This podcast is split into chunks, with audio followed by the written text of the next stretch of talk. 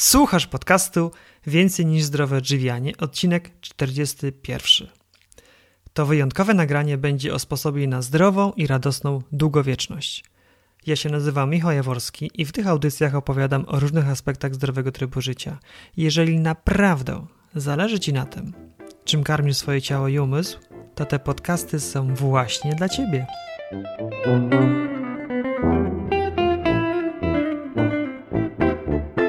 Bardzo mi miło powitać Cię w 41. odcinku podcastu na blogu Więcej niż zdrowe odżywianie. Czy istnieje i jeżeli tak, to jaka jest recepta na długie, radosne i szczęśliwe życie? Czy istnieją sposoby, aby nawet w zaawansowanym wieku znacząco poprawić odporność swojego organizmu na choroby, aby do długich lat czerpać radość i energię z regularnej aktywności fizycznej, żyć ciekawie i inspirująco? Poszukując odpowiedzi na te pytania, trafiłem do domu pana Antoniego Huczyńskiego, znanego częściej pod pseudonimem Dziarski Dziadek. Pan Antoni to przesympatyczny, radosny, pełen energii starszy pan, który w wieku 92 lat napisał książkę pod tytułem Dziarski Dziadek Mój sposób na długowieczność. Pan Antoni każdym swoim czynem, każdym słowem udowadnia, że to, co tam jest napisane, nie jest gołosłowne. Że to, co tam napisał, to świadectwo jego życia, które działa. Jeżeli teraz porządkujesz dom, to znajdź sobie spokojne zajęcie, aby móc się skupić na słuchaniu. Jeżeli biegasz lub ćwiczysz, to wciśnij mocniej słuchawki w uszy. Natomiast jeżeli odpoczywasz, to zrób pauzę i najpierw przygotuj sobie pyszną herbatkę, na przykład z czerwonej róży. Gotowi? Właśnie teraz przenosimy się do domu pana Antoniego. Dobrze, herbatka się zaparzyła, ja sobie wyciągnę. A jaka ona się czerwona pan Tak, lubi? bo to- Ojej. To róża czerwona, czy dzika róża czerwona, Dzika, oczywiście. dzika rzeczywiście. Stąd ta czerwień. Bardzo oryginalna to herbata jest. Od dawna pan zaczął działalność tą swoją, tą profesję swoją. To jest hobby. Ach, to pana hobby. To jest dobrze. pasja. Ach, ja rozumiem. Ach, to dobre. I półtora roku... Ach, pan jest pasjonatem tego. Tak. Ach, to dobrze. Tak. Ja normalnie żyję z czegoś innego. Chodzę codziennie do pracy, natomiast potem wracam Oczywiście. z pracy i takie rzeczy z żoną robimy. Świetnie, świetnie. Zaczęliśmy półtora roku temu. Niedługo będzie dwa lata, jak tą stronę tworzymy i nagrywamy. Natomiast samo zainteresowanie tym odżywianiem to jest ta kwestia 8 do 10 lat. A kto pana wspiera w tej, tej działalności? Moja żona. Och, to wielka rzecz. A to jest będzie udane, dlatego to jest udane. Tak. Jestem pod wrażeniem tego domu, bo z jednej strony jest pan w mieście, a z drugiej strony w lesie. Tak, dobrze, tak. I jak Jestem szedłem- tak pół na pół. Trochę w mieście, trochę na wsi, I tak? jak szedłem tą alejką wśród tych pięknych drzew, to te ptaki śpiewające, no fantastyczne tak, no miejsce tak, do życia. no tak. Jak długo pan tutaj mieszka? Ja tutaj mieszkam od, dosłownie od 51 roku. Mhm. To, jest, to jest już ponad... Ponad pół wieku. O Boże, to, to więcej jak pół wieku, tak. Mhm. Więcej, 60 par lat, tak. Oj, no tak. No i ten ogród uprawiałem jeszcze, pamiętam, łącznie z moim teściem ten ogródśmy uprawiali. Mhm. Bo ja tutaj przyszedłem jako dwudziestoparoletni młodzieniec, mąż tej właśnie wspaniałej kobiety. To bardzo ładna kobieta była. tak, śliczna. Widzę Bardzo zdjęcie. ładna, tak naprawdę, tak. Miała wyjątkową urodę, tak. No, byłem zakochany po uszy w tej kobiecie, tak. I tutaj, I tutaj się przeniosłem, tu się przeniosłem, tutaj mieszkaliśmy już cały czas. Potem mój ukochany teść zmarł, teściowa zmarła, no bo to, ale 76 lat, teściowa 73, moja żona 72. Krótko żyły, krótko żyli, nie wiem dlaczego, ale tak to się ułożyło. No za komuny trzeba było powiedzieć, to była bieda, nędza była. To nie było dobrobytu, nie było wszystko dostępne. Walczyło się o głupi kawałek mięsa, czy o tak. Ja jestem lekarzem weterynarii, jeśli chodzi o mój zawód. Pracowałem w terenie, ale jestem tak zwanym terenowym lekarzem weterynarii, a nie administracyjnym, siedzącym i dyrygującym lekarzem. Nie, ja sam pracowałem bezpośrednio ze zwierzęciem. 40 lat przepracowałem w tym zawodzie. Uważam, to jest wspaniały zawód, mówię panu, i tak się rozkochany jestem w tym zawodzie, w leczeniu tych zwierząt. Kiedyś tylko dużych zwierząt, a potem już tych drobnych, małych Tak. zwierzątek. Nawet do mnie tutaj przychodziła pani, która żółwia, żółwia mi przywiozła do leczenia, no. Ale myślę, co temu żółwiowi ja mogę pomóc? Ani go zbadać, ani go te, opukać nie ma co, wszędzie skorupa i głowa schowana. A ona powiedziała, panie doktorze, jak pan nie wyleczy mi tego żółwia, to mąż mnie zamorduje, jak wróci. On zakochany w tym żółwiu. Ja sobie myślę, no jak panią ma zamordować, to będę starał się. Tylko dlatego będę żółwia leczył, bo się boję, że mąż pani nie zamordował, bo żółw może pani zdechnąć. Okazuje się, że przestał jeść od kilku dni, bo ona go niewłaściwie żywiła. No tak, ale wyciągnąć tą główkę trzeba było, wprowadzić mu parę kropel, kropli żołądkowych i po dwóch, trzech kropelkach, jak ja mu temu mdlówiowi do tej mordki potrafiłem wprowadzić, to rzeczywiście następnego dnia zaczął jeść. Ona przybiegła bez żółwia. Oj panie, dziękuję panu bardzo, uratował pan mi życie, mój żółw zaczął sałatę jeść. No taką ciekawostkę panu z mojego zawodu powiedziałem. Tak. dobrze. Panie Antoni, to, Tak. co, to co mnie szczególnie bardzo mile zaskoczyło, to podchodzę do pana, uśmiech na całej twarzy. Tak, to jest, ma pan rację. Ja radość. się ciągle cieszę. Nie wiem, dlaczego jestem ciągle zadowolony. Dobrze, to może niech pan powie, jak wyglądał dzisiejszy dzień pana od rana? Co pan robi? Wstałem o 6 rano dzisiaj. Jak się zobaczyłem, że szósta pięć, o Jezu, jak długo ty śpisz? Zerwałem się czym prędzej. Jak się zerwałem, to zacząłem się gimnastykować. Mam tam trochę tych przyrządów, mam przyrządów tych handli i tam sprężyny. No, trochę, ale to tylko 50 minut tylko poćwiczyłem. Jak poćwiczyłem, to posprzątałem sobie mieszkanie. A jak posprzątałem mieszkanie, to pobiegłem sobie śniadanie zrobiłem. Ale dzisiaj to ja miałem bardzo wyjątkowe śniadanie, bo ani śledzia, ani, ani cebuli, ani czosnku, bo, bo, mam, bo miałem mieć dzisiaj miłego gościa o 12. Więc już nie jadłem tych rzeczy takich ostrych. Dziękuję. Żeby można było spokojnie brać. To była tylko herbatka, był chlebek, był, były ser, kozi taki ser. I dzisiaj właśnie chciałem panu pokazać, że kozie mleko i, i kefir kozi dają, dają nam młodą cerę, bo one bardzo dobrze działają przeciwko zmarszczkom. O tym jeszcze, o tym kozim, o tym kozich elementach dodatkowo jeszcze z panem porozmawiam. Dobrze. Ale potem, ale potem wziąłem się za grabienie porządku w ogrodzie, bo miałem trochę, trochę śmieszony. Mój wnuczek mi skosił trawę, ale nie posprzątał dokładnie, więc ja nad, nad tym pracowałem. A potem usiadłem i przygotowywałem się do wykładu, który mam UTW, czyli trzeci wiek, Uniwersytet Trzeciego Wieku i mam na Wilanowie wykład na temat jak zachować, jak zachować zdrowie niezależnie od lat. Sport nie zna czasu. O tym mam powiedzieć stu kilkudziesięciu osobom. I po prostu takie punkty, notatki sobie porobiłem, co powinienem zapamiętać i co powinienem powiedzieć. Tak. I potem, potem, potem, co ja jeszcze, proszę pana, robiłem? No, tak panu powiem szczerze, już nie bardzo nic nie robiłem specjalnie. To była godzina dziesiąta, trochę posprzątałem, bo miałem trochę bałagan. Potem jedenasta, potem zacząłem sobie coś czytać, encyklopedię do, dotyczącą Alberta Einsteina, bo uwiel- uwielbiam tą, tą jego teorię względności. To jest coś genialnego, ta teoria względności. I mnie się wydaje, że ja tam liznąłem po prostu, liznąłem języczkiem sens, sens tego, tej, tej, tej teorii, teorii względności. No, nie czytam książek beletrystycznych w sensie miłosnych książek, że Jasio kocha Wandę i tak dalej. Nie znoszę beletrystyki dotyczącej kryminałów. Ja tylko czytam książki, te, które mi coś dadzą, mnie rozwijają, po, pobudzają mi komórki. Tak jak fizykę kwantową, zorientowałem się na czym polega. Potem Einsteina czytam, czytam Wszechświat, skąd się ten Wszechświat wziął, skąd myśmy się wzięli ludzie? I tak dalej. Tylko takie naukowe książki staram się czytać, bo wtedy mi na to, wtedy mi nie żal tego czasu, bo niewiele mam tego już czasu, ale te resztki tego czasu to pragnę właśnie skupić się na tych mądrościach. Jak coś opanuje to, je- i to mnie satysfakcjonuje, na przykład mnie fascynuje powiedzenie w teorii teorii względności, która polega przecież w zasadzie na, na takim nieustannym tańcu, tańcu w kosmosie cząstek elementarnych. To jest taniec cząstek elementarnych.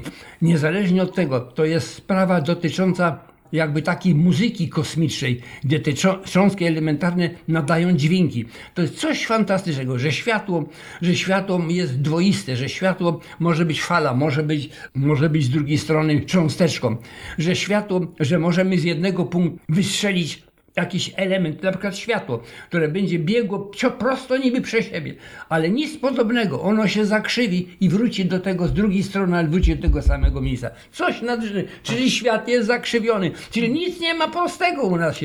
I tak to mnie fascynują takie, takie momenty. To nie jest wielka, wielka, ale mnie to ciekawi. Panie Antoni, ta ogromna ciekawość, po prostu ona tryska z pana twarzy. Ale skąd to się wzięło? Czy zawsze pan był taki ciekawy świata, czy nagle coś się wydarzyło, że pan się zainteresował tymi tematami?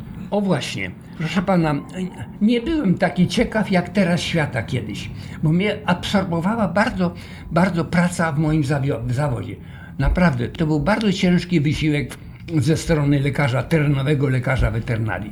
Bo to przecież trzeba było dojechać do, do zwierzęcia, bo to przecież nie zawsze ci panu dostarczył do lecznicy zwierzę do leczenia, bo przecież profilaktyka szczepienia trzody chlewnej, szczepienia drobiu, szczepienia zwalczanie brucelozu bydła. To trzeba było dojechać do chłopa. Nieraz całymi dniami siedziało się od wioski do wioski i się te, i się te czynności wykonywało. Więc ja po prostu byłem wyeksploatowany. I mnie już potem nic nie interesowało. Padałem na łóżko i zasypiałem jak kamień. Także ja nie interesowało mnie tak ani teoria względności, ani nie interesowało mnie ani, ani nie czytałem po prostu. Ja byłem tak zaaferowany pracą Czyli rozumiem, gdy pan, dopiero gdy pan przyszedł na emeryturę, to tak, znalazł ja... się ten czas, który można było wypełnić właśnie taką nauką. Tak, właśnie. To dopiero, dopiero, ale to było się jak wtedy, jak mi stuknęło 78 lat po śmierci mojej żony. Dopiero wtedy zainteresowałem się, bo jeszcze jak żona żyła, to żeśmy wspólnie wyjeżdżali na wycieczki. Bardzo lubiliśmy wyjeżdżać do jakiejś stawy, kąpać się. Mieliśmy samochód i tak dalej. Także potem, jak żona mi zmarła, to ja dopiero zająłem się sobą. Nie chciałem wpadać w depresję, bo to można było wpaść w depresję. Tyle lat się żyło z kobietą i raptem ona odeszła. I ja właśnie zostałem sam, bo córka się wyszła jedna za mną, druga, mieli swoje rodziny i właśnie zdałem go jak pal. Coś musiałem sobą zrobić, więc zainteresowałem się aktywnością ruchową. Zacząłem ćwiczyć ciało.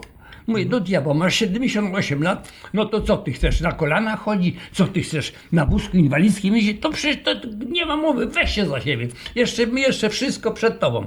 Pojechałem do Lasu Kabackiego, a ten Las Kabacki mamy jakieś pół kilometra od domu. Siadłem na rower i zacząłem tam ćwiczyć. Początkowo nieudolnie, ale potem z każdym tygodniem, z każdym miesiącem nabierałem bardzo wprawy i rozmiłowałem się w ćwiczeniach gimnastycznych. Uważałem, że to trafiłem w dziesiątkę. Właśnie tak trzeba. Właśnie nie trzeba wpadać w depresję, rozmyślać co było, tylko bierz się to na bieżąco. I ktoś mnie zauważył. Podszedł do mnie, chyba to był lekarz medycyny. Młody taki człowiek mówi, proszę pana, obserwuję pana od wielu miesięcy i pan tutaj ćwiczy. W samotności pan ćwiczy i drągiem pan jakiś tam ćwiczy. Mówi, proszę pana, czy nie powinien pan pokazać to innym? A ja mówię, w jaki sposób mam pokazać innym? No przy kamery, ja wezmę kamery i panu zrobię to zdjęcie. No to powiedziałem to wnukowi, Michałowi. Następnego dnia on przyjechał swoją siostrą, moją, moją, moją wnuczką. Nakręcili mi moje wszystkie ćwiczenia od początku do końca i puścili w teren.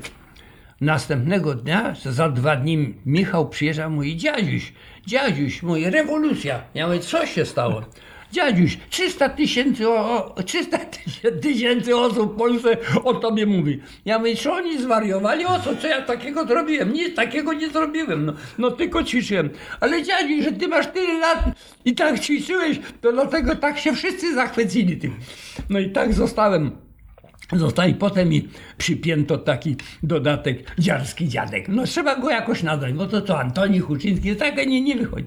Już mi lata leciały, prawda, potem z każdym, z każdym rokiem coraz więcej. Dzisiaj jestem w 94 roku życia, ale jestem zadowolony, jestem szczęśliwy, jestem radosny, jestem wysportowany. Jeszcze mam takie mięśnie jak młody chłopak. No tak jakoś mi się te życie dobrze ułożyło.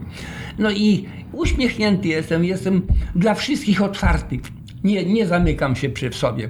Ciągle, ciągle mam jakieś, jakieś zajęcia, wykłady jakieś mam, którymi ludzie proszą o tym, że przecież sport nie może znać wieku i to jest bardzo dobre powiedzenie. Rzeczywiście sport nie może znać wieku. Jak chcesz ćwiczyć, jak chcesz się gimnastykować, to nie ma znaczenia, ile ty masz lat. No właśnie, a niech pan powie, jak pan zaczął ćwiczyć, to skąd pan wiedział, jakie ćwiczenia wykonywać? Czy pan gdzieś o tym czytał, czy po prostu robił to, co intuicja podpowiada? Ja sobie sam wymyśliłem wszystkie ćwiczenia, tak żeby te wszystkie ćwiczenia dotyczyły, dotyczyły raczej każdej części moich mięśni. Każdy mięsień, żeby był pewny. Mamy 600 mięśni, ja nie będę mówił o mięsiach oczu i tak dalej, ale gałkami ocznymi ruszam i nawet ktoś mi wytknął to Proszę pana, po jaką cholerę pan napisał w swojej książce ruch, ruch gałkami ocznymi? Komu to potrzebne? No, odpowiedziałem mu e-mailem. Ja proszę pana, ruch gałkami ocznymi jest po to potrzebny, bo mamy dwie półkule mózgowe, lewą i prawą. Żeby synchronizować te dwie półkule mózgowe, po to, żeby pan był stabilny na stare lata, że pan nie miał jakichkolwiek zaburzeń, zaburzeń błędnikowych, żeby pan utrzymać mógł równowagę, to musi pan jakoś te półkule mózgowe pobudzić, żeby one synchronizowały działalność. A czym pan pobudzi? Tylko gałkami ocznymi, ruszając gałkami ocznymi, bo one mają pnie nerwowe połączone z naszymi komórkami mózgowymi, neurami czy komórkami glejowymi. I to na tym to polega, proszę pana, że trzeba gałkami ocznymi. I tak od, od, ja od 20, od 20 lat ćwiczę tymi gałkami ocznymi, zachowuję równowagę, na rowerze pędzę, nie mam żadnych zaburzeń, wstaję szybko, nie trzęsą mi się ręce. No, proszę pana, mówię, mówię, naprawdę niech pan ćwiczy gałkami ocznymi. Tak zakończyłem ten rozmowę. Jak często pan ćwiczył w tym Ja lesie? codziennie ćwiczę. Codziennie. Codziennie, codziennie. Nie ma dnia, żebym ja nie poćwiczył. Chyba, że, że się będę fatalnie czuł. Ale ponieważ się fatalnie nie czuję, bo jestem ciągle zdrowy, aż się sam dziwię. Nic mi nie dolega, nie biorę żadnych leków. Nie, nie biorę, no, no naprawdę, że nic mnie nie boli, nic mi nie psztyka. Czy nawet teraz, w 24 roku swojego życia, codziennie pan ćwiczy? Codziennie ćwiczę. Muszę. Po prostu to mi się tak mi to weszło w krew. To w moją psychikę weszło. Co, nie ćwiczyłeś? To ty już chcesz na wózek inwalidzki, to ty chcesz w szpitalu leżeć i to sobie takie myśli mnie dają takiego bodźca, że ja pędem na rower skakuję, jadę do lasu i tam ćwiczę. Ale ponieważ mnie zaczepiali, zaczepiano mnie w lesie, bo ludzie nieraz chcieli ze mną ćwiczyć, chcieli, chcieli opowiadać, chcieli, no, przerywali mi ćwiczenia, bo ja mam pewien cykl. Ja ćwiczę dwóch, dwie godziny, dwie godziny dziennie w lesie. To nie jest 15 minut machania rączkami, 15, nie, to jest, to jest cała seria ćwiczeń różnego rodzaju.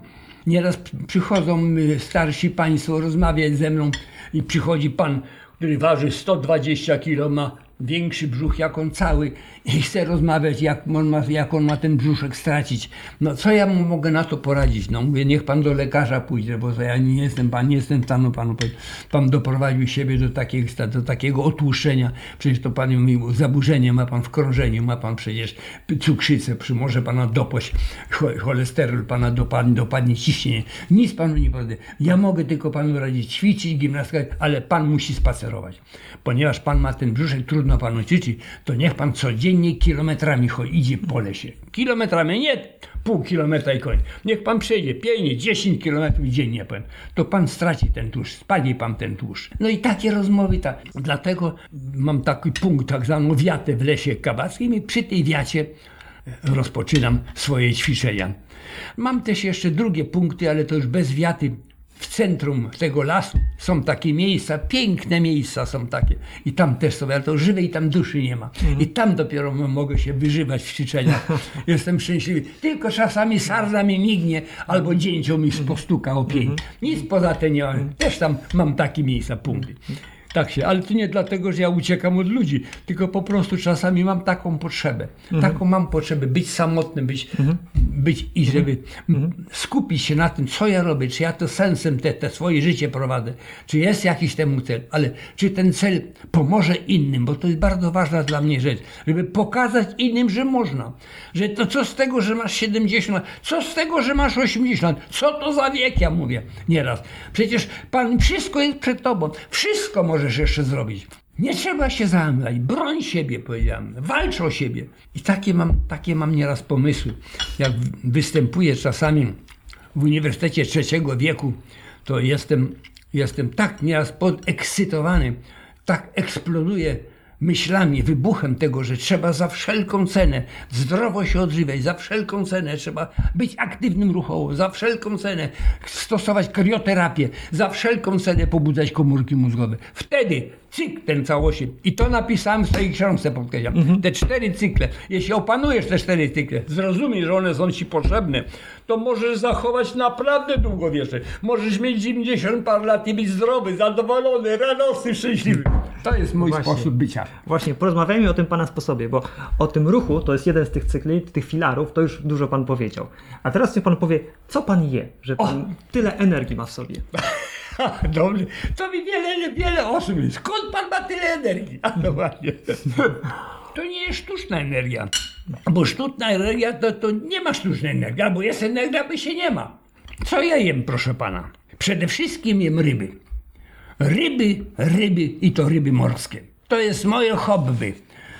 I to ja wszystko usprawiedliwię, ale ryby to przede wszystkim. Dlaczego ja tak się upieram w tych rybach? Dlatego, bo zrozumiałem, że te ryby mają omega-3, czyli wielo nienasycone kwasy tłuszczowe. Bo ryby mają jod.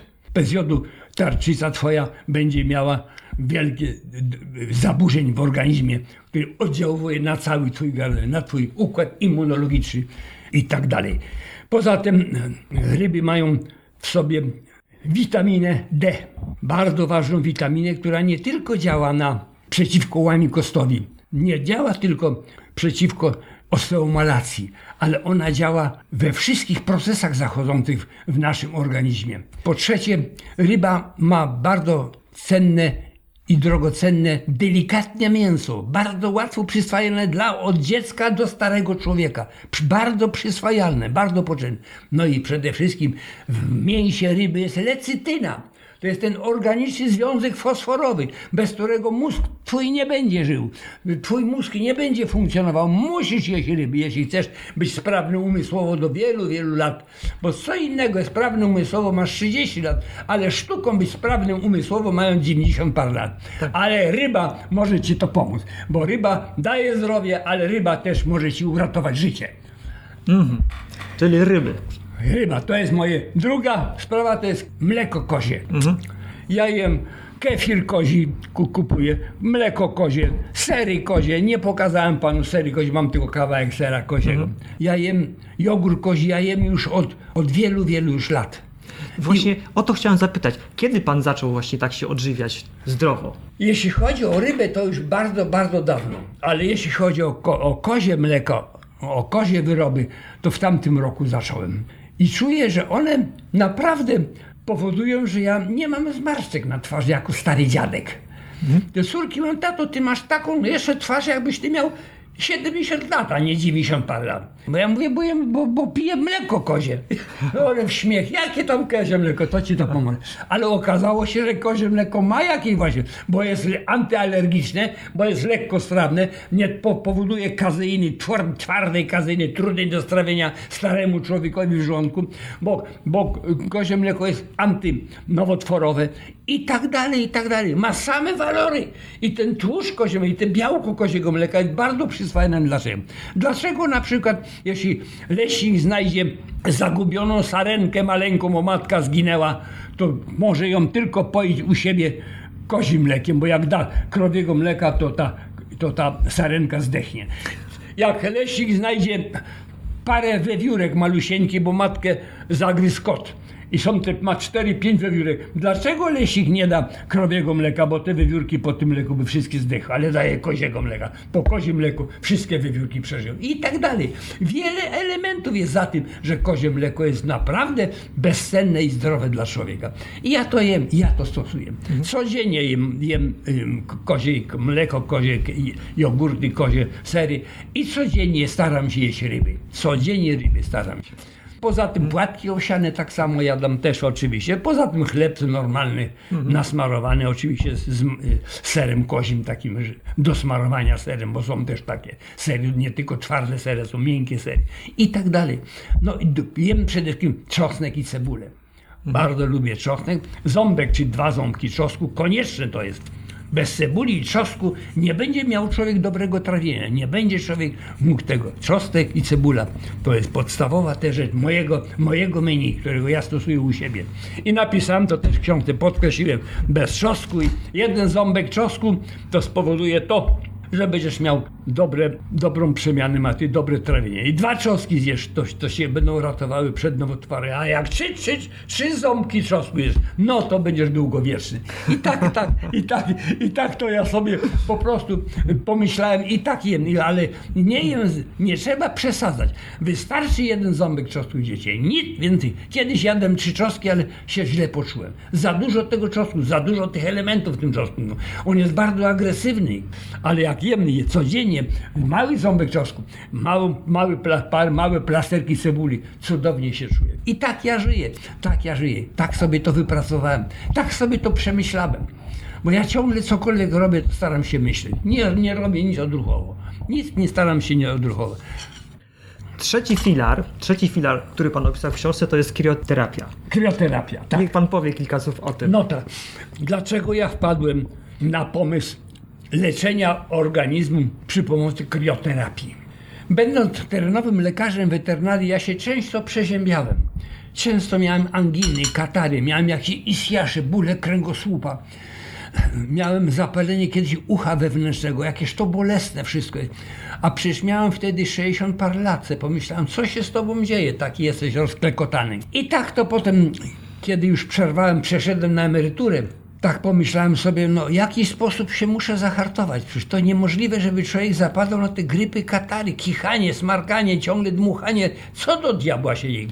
Więc postanowiłem, że będę miał kontakt z zimnem, bo przeczytałem kiedyś w jakiejś książce, że faraonów w Egipcie leczono katary i grypy leczono chodzeniem. Faraon musiał chodzić po lodowatej wodzie przygotowanej w, w kadziach, w misach, misach przez tych ich, ich, ich znachorów, czy lekarzy tych egipskich. Pomyślałem sobie, Boże, jak 4, 2000, 3000 lat temu leczono tak faraona, to dlaczego ja mam się teraz? I wpadłem na pomysł, że krioterapię. Zacząłem od przecierania rąk, bardzo proszę, przecierania rąk śniegiem. Od tego zacząłem. Wyszedłem do ogródu w zimie, oczywiście nacierałem ręce śniegiem, tak codziennie. No, żona nic nie mówiła na to, nie zwracała uwagi. E, ma jakąś fobię, ma mój mąż. Tak. Widocznie tam raptem, raptem mu się zachciało. No. Ale potem dla mnie było za mało, więc wyszedłem i nacierałem ręce, a potem twarz. O, to już się żonie nie podobało. Tak pomyślała sobie, a po co to robisz twarz na nacier? Ja mówię, bo chcę mieć większy kontakt e, z zimnem, no. Bo, mówię, bo ja mówię, Basiu, ja się chcę hartować, bo mam dosyć z tymi, chcę skończyć tymi katarami, grypami. Ale pomyślałem sobie, to za mało. Tylko ręce, tylko twarz. Zacząłem wychodzić na boso po śniegu, biegałem. Nałożyłem tak, tak zwane bokserki i biegałem po ogrodzie po śniegu boso. I wracałem do domu. No to już się mniej podobało żonie. Ale potem zobaczyłem, że to tylko bieganie to jest mało. Przecież ja mogę się położyć w śniegu i mogę się tarzać w śniegu. O, to już mam duży kontakt tego w tych bokserkach, bez koszuli i tarzałem się w tym śniegu. No to już żona powiedziała, tylko, tylko ci mogę trumnę zamówić, bo to już na pewno dostanie zapalenia płuc i ciebie szlak trafi. No, ale pomyślałem sobie, gadanie żony to jest gadanie, a ja sobie dalej co zrobię. Sprowadziłem 200-litrową beczkę żelazną. Nalałem pełno wody w zimie, było 8 stopni mrozu, woda mi z wierzchu zamarzła, rozwaliłem tą wodę, pod, postawiłem drabinkę i wszedłem do tej beczki. Zanurzyłem się po szyję. No to moja żona była przerażona. Powiedziała, no to już jest koniec, będę teraz, będę wdową. Bo kto to widział takie rzeczy robić? A ja tylko wytrzymywałem codziennie półtorej minuty. Regularnie codziennie przed pójściem do zajęć wyłaziłem do beczki, półtorej minuty beczki, wyłaziłem tej beczki, otrząsałem, wycierałem się i normalnie. I tak robiłem 4 lata przez 4 lata zimy po kolei.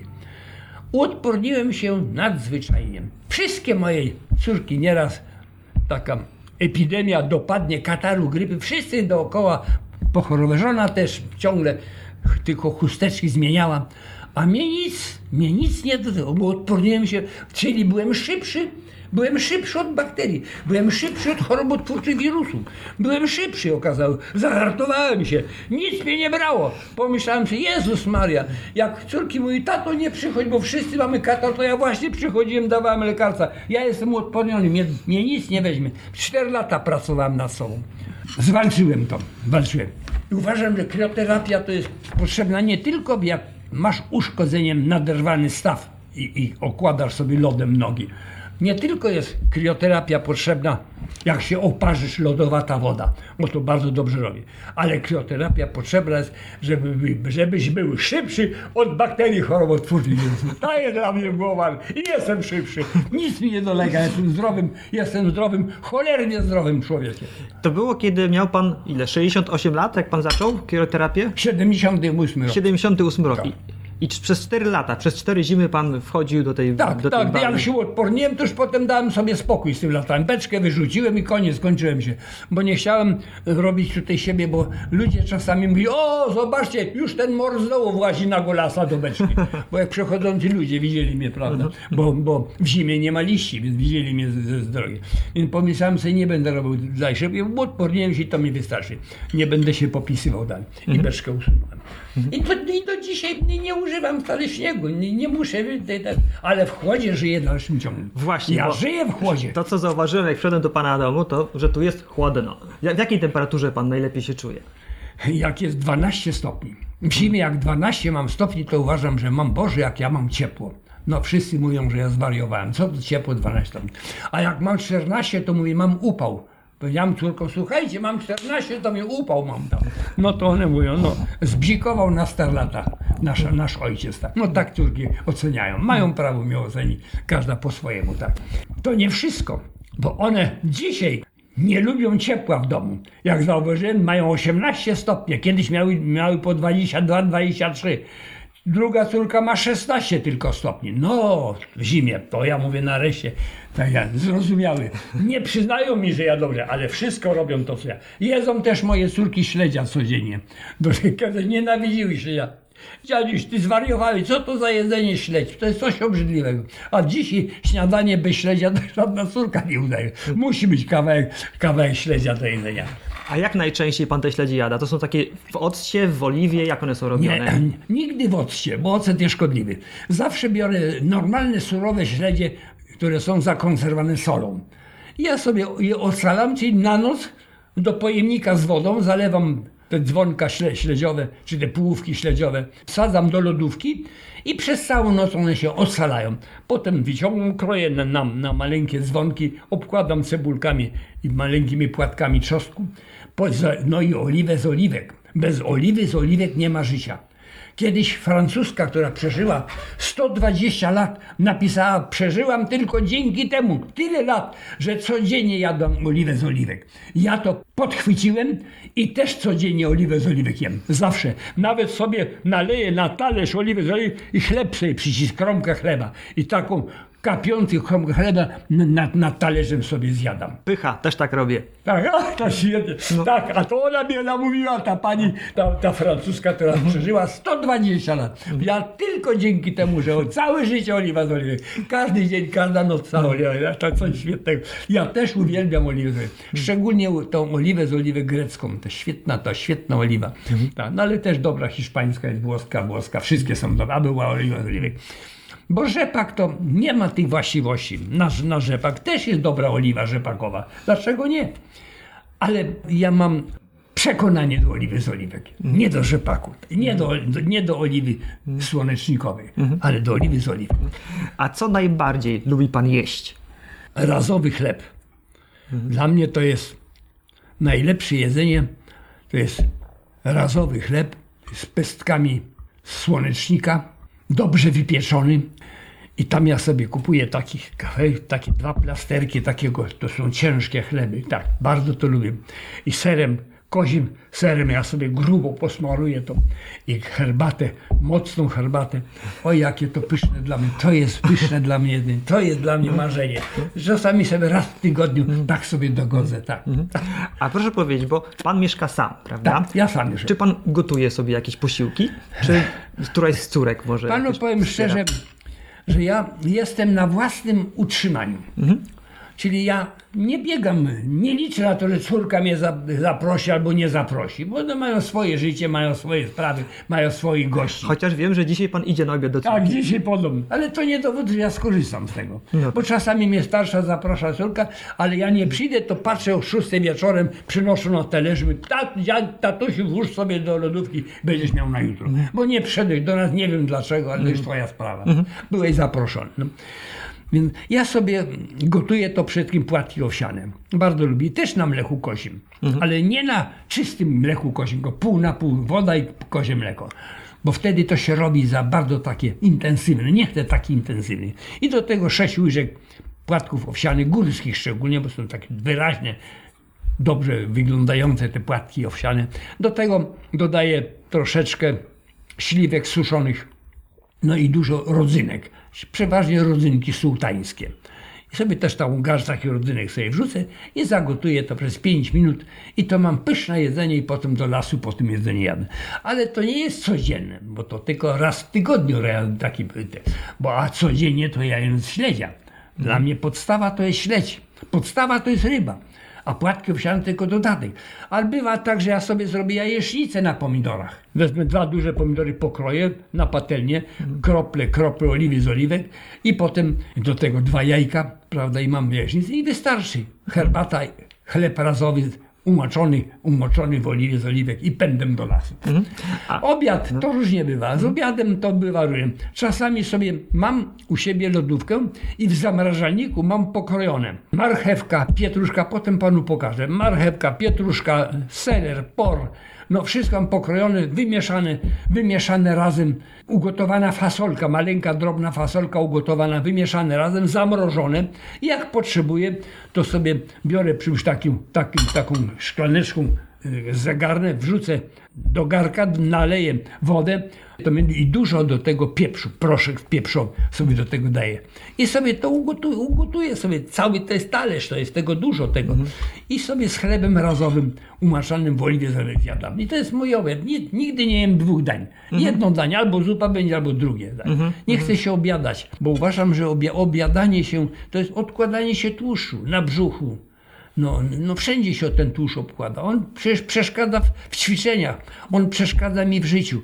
No tłuszcz to jest, to jest kłopot. Trzeba ten tłuszcz jak najbardziej starać się strawić. Jakiś nabar stara się pozbyć. Ja nie jem kolacji dlatego. Do, ust, do godziny piątej to jeszcze coś jem, ale po piątej do ust już nic nie biorę.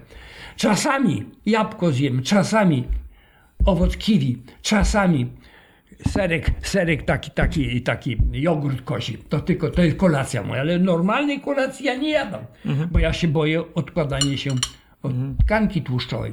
Ona jest bardzo szkodliwa i bardzo niekorzystna dla organizmu. Tak. Nie daje żadnego, żadnej radości w życiu człowiekowi. Tak. tak.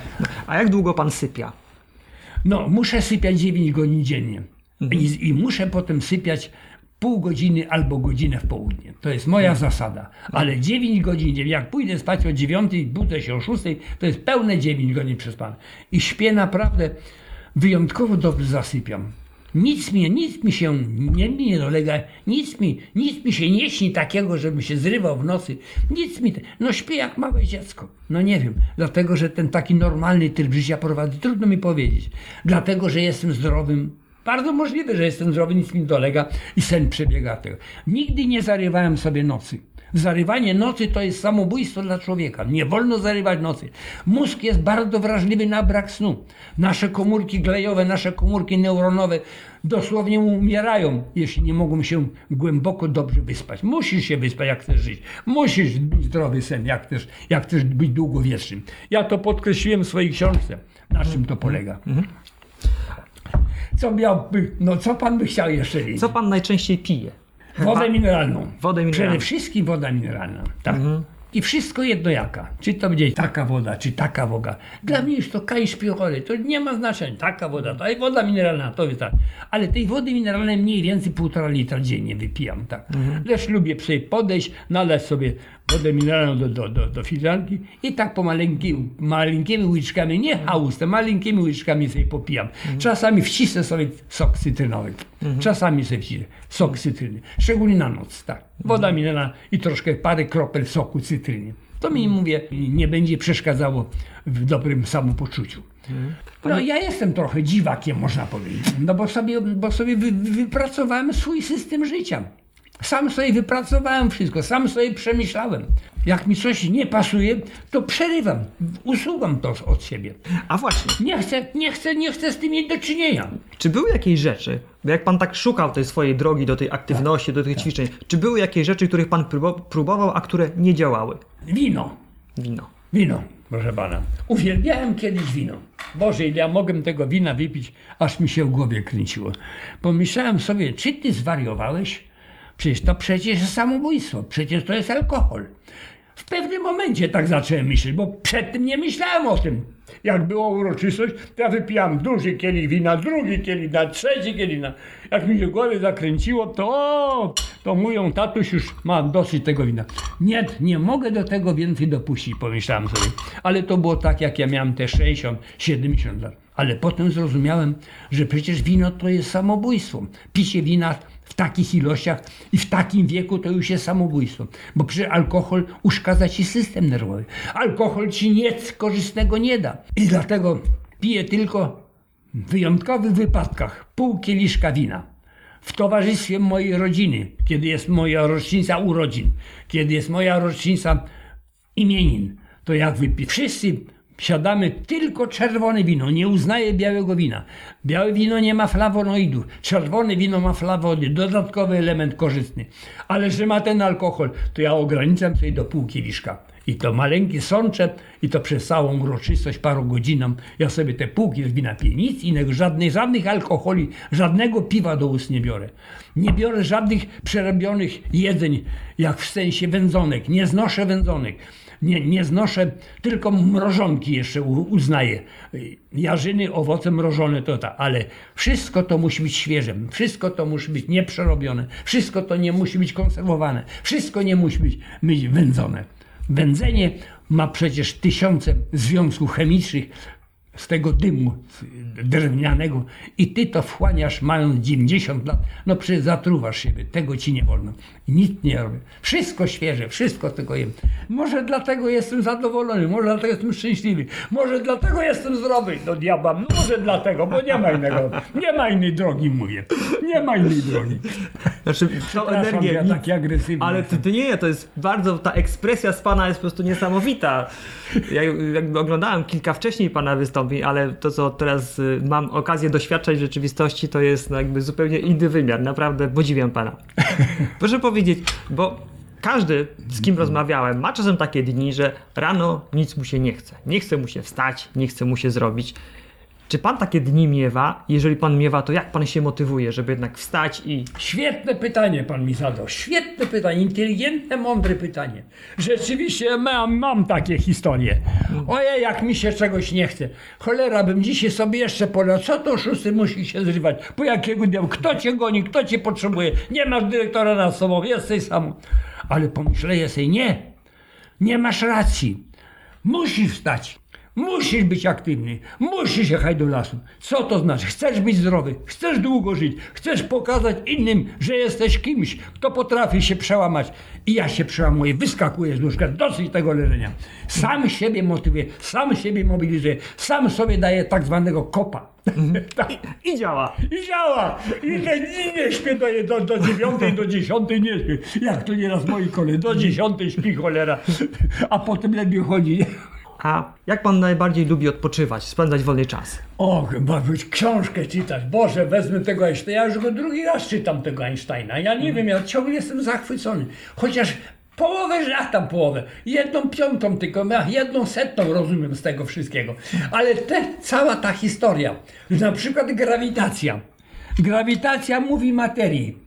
Jak ma się zakrzywiać w czasoprzestrzeni. Materia z kolei mówi grawitacji. Jak ty masz się zachowywać w czasoprzestrzeni? No przecież jak pomyślę sobie, to są tylko słowa, ale pomyślałem sobie, Wszechświat, ogromny, ogromny, ogromna przestrzeń, miliardy kilometrów przecież. Przecież ci- ciągle się rozszerza, ciągle się ten świat rozwija, ciągle jest w ruchu. Wszystko jest w ruchu. Wszystko, wszystko. W ruchu jest to, że z Panem rozmawiam, bo te elektrony mają, mają tą w sobie energię. Bez tych elektronów nie byłoby życia na tym świecie. I to wszystko mnie strasznie pobudza pobudza mnie strasznie do, do tej takiej aktywności życiowej, że przecież wszystko jest w ruchu, to ty masz siedzieć, to jeśli ty nie jesteś w ruchu, to nie wibrujesz zgodnie z rytmem, z pulsem, rytmem wszechświata, to kim ty jesteś, do diabła, czym ty jesteś, tak, weź się za siebie, nie pozwól sobie leniuchować, daj sobie w kopa, daj sobie w kość. Ja sam z sobą walczę, ja sam z sobą przekonuję się, nikt mnie nie potrzeba przekonywać, ja sam się przekonuję. I proszę pana, i trzymam się. I trzymam się całkiem nieźle. Och, doskonale pan się trzyma. Naprawdę ja się dobrze trzymam. Aż się sobie nieraz dziwię. Nic ciebie jeszcze nic nie, nie jeszcze cię nic nie dopadło. Tak? A, a panie Antoni, a jak pan reaguje na takie nowinki techniczne? Być może pan pamięta, jak się pojawiły telefony komórkowe, albo jakieś inne takie rzeczy, których pan nie używał. Komputer. Na przykład. To był komputer. Ja pisałem tą książkę, ale tą pisałem książkę na, na, na maszynie francuskiej, takiej starej maszynie. Kartka papieru, prawda? Pyk, pyk, pyk, pyk, pyk. Pomyliłem się, wyrzuciłem kartę, druga kartka papieru. Jak to zobaczył mój, mój wnuczek, to jest Michał. Dziadziu, czy ty zwariowałeś? Ty chcesz książkę napisać na tej maszynie? Ja cię nauczę w komputerze. Co do cholery, masz, masz 92 lata, nie potrafisz się nauczyć. Chodź, zaraz cię tego. Więc Michał mnie zagarnął, zaraz mi tutaj wstawił mi tu komputer, mam w tym pokoju komputer i zaczął mnie uczyć. Daj, to, to, to, to, to, to, to, to, to. Jak nie pamiętasz, zapisz sobie w zeszycie. Sobie. tak, tak, tak się otwiera komputer. Tak, tak, tak, zaczynasz mi. Tak, jak się pomylisz, to to, to, to zrób. Ja się w ciągu trzech dni tak nauczyłem, że zacząłem nic, tylko, tylko pisałem tą książkę już potem. Odrzuciłem tą maszynę francuską do, do pisania, chociaż bardzo dobra do tej pory jest, ale to już, to już jest antyk, to jest anachronizm.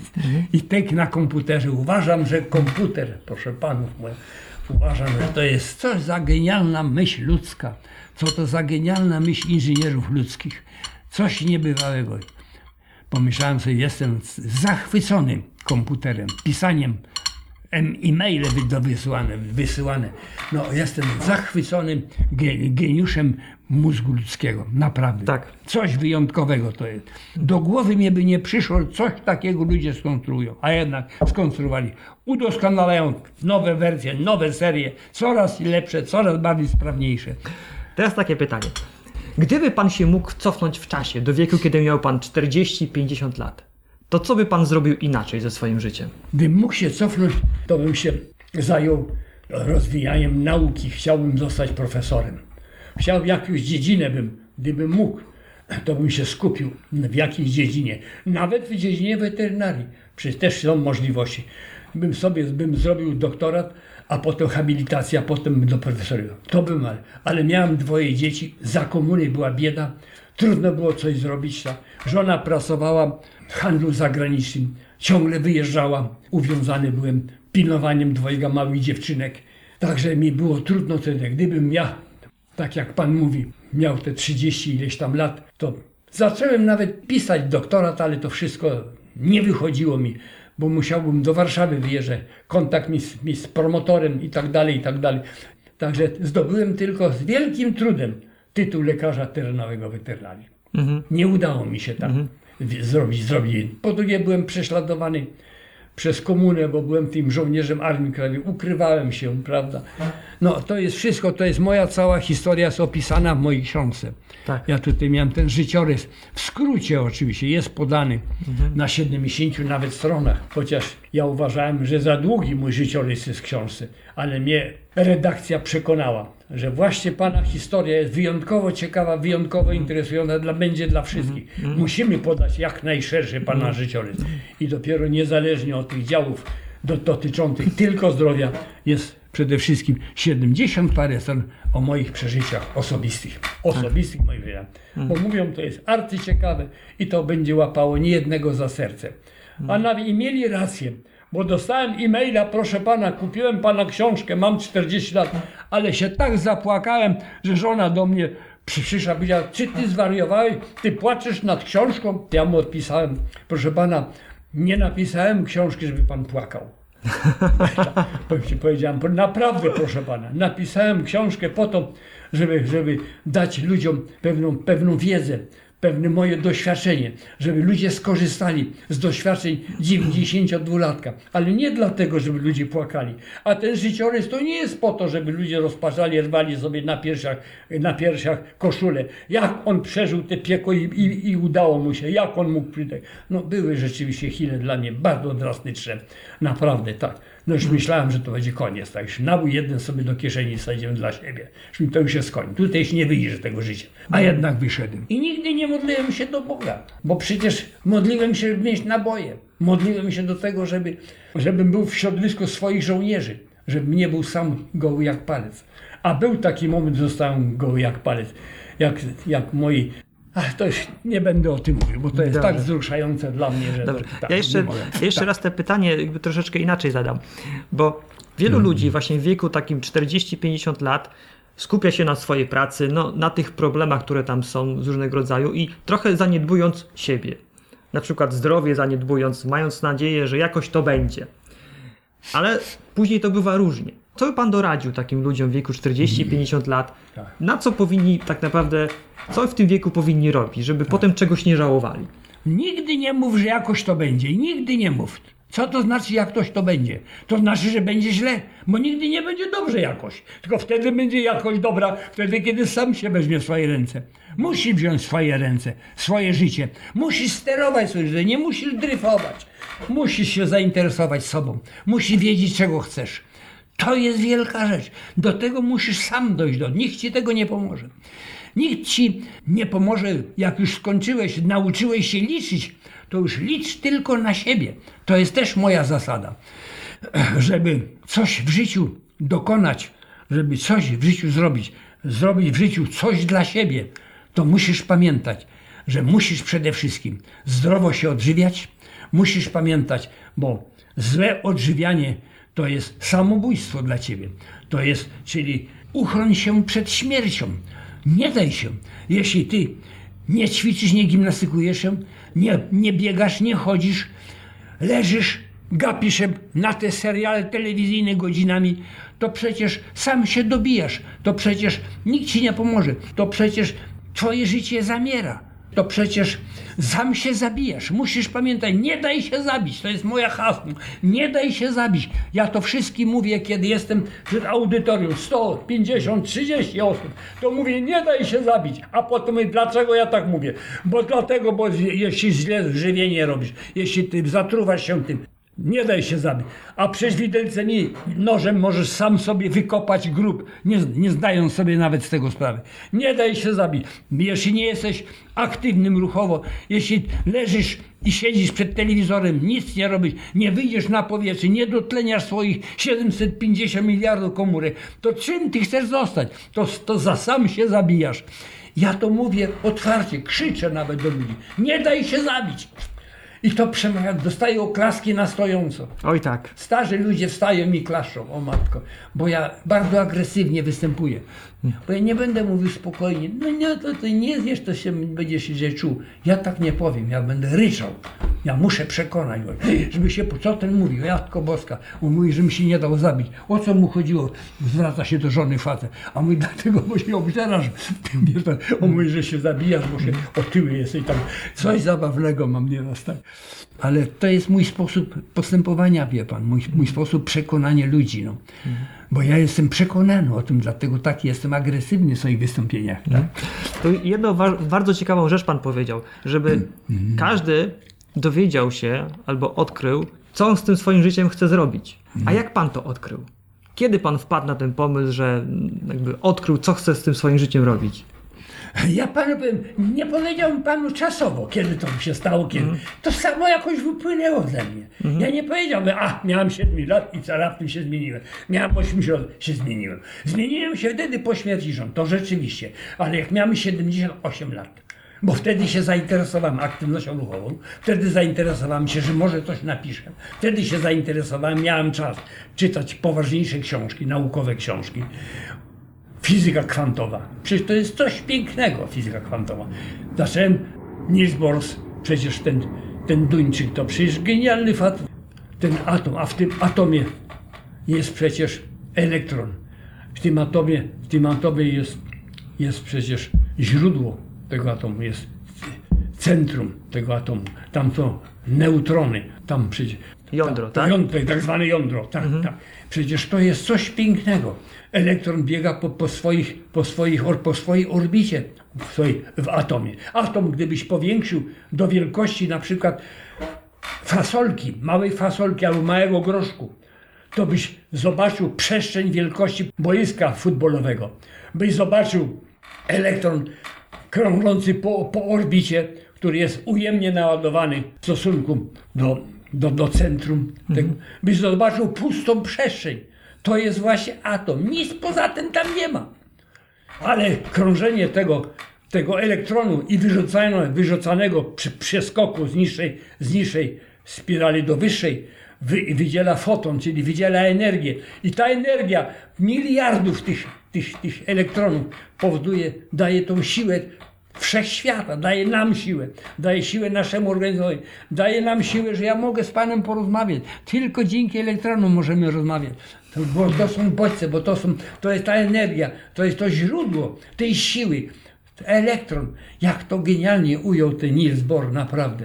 To jest coś pięknego. Ja się obczytałem w tych książkach i poszedłem, doszedłem do, do wniosku, że jest to nauka tak prosta, jest to nauka tak piękna, tak wszechstronna, że gdybyśmy po 100 czy 200 latach zrozumieli, na czym to polega, wtedy moglibyśmy powiedzieć, przecież tak musiało być, tylko dlaczego daliśmy się tak długo zwodzić, gdybyśmy to znali. Tak, to jest coś genialnego. Ten Niels Bohr to powiedział, tak, ja to zapamiętałem. Tak.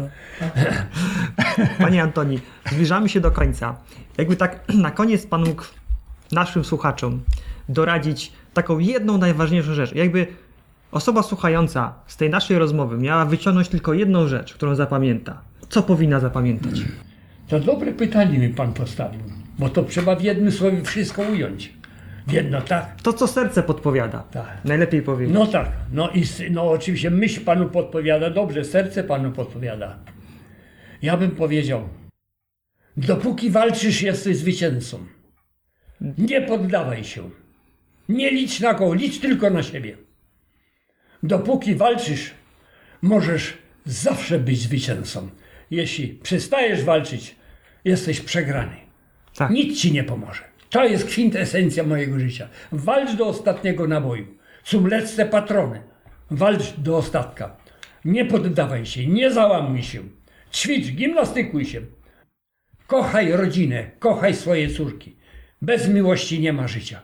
Tak jak kiedyś powiedział, że miłość to jest jedyne twierdzenie, które trzeba stale udowadniać. Genialnie powiedział. I to Syrakus. Nie pamiętam tego profesora, który to powiedział, naukowca tego. Nie pamiętam, uciekło mi z pamięci. Ale pięknie powiedziane. Miłość to jest jedyne twierdzenie, które Trzeba ciągle, stale udowadniać, które trzeba stale udowadniać. bo inaczej znika. Tak jest, to nie, nie ma, no oczywiście. Bez tego to nie ma, nie ma życia. Bez miłości nie ma, nie, ma, nie ma życia. Bez miłości w rodzinie traci się sens i cel życia. Bo jesteś, jesteś odpychany przez własną rodzinę. Bo nie potrafisz okazać swojej miłości dla nich. Bo nie potrafisz być dla nich życzliwy. Bo nie potrafisz ich kochać. Trzeba, ma się dzieci, to trzeba kochać swoje córki, swoich, swoich synów.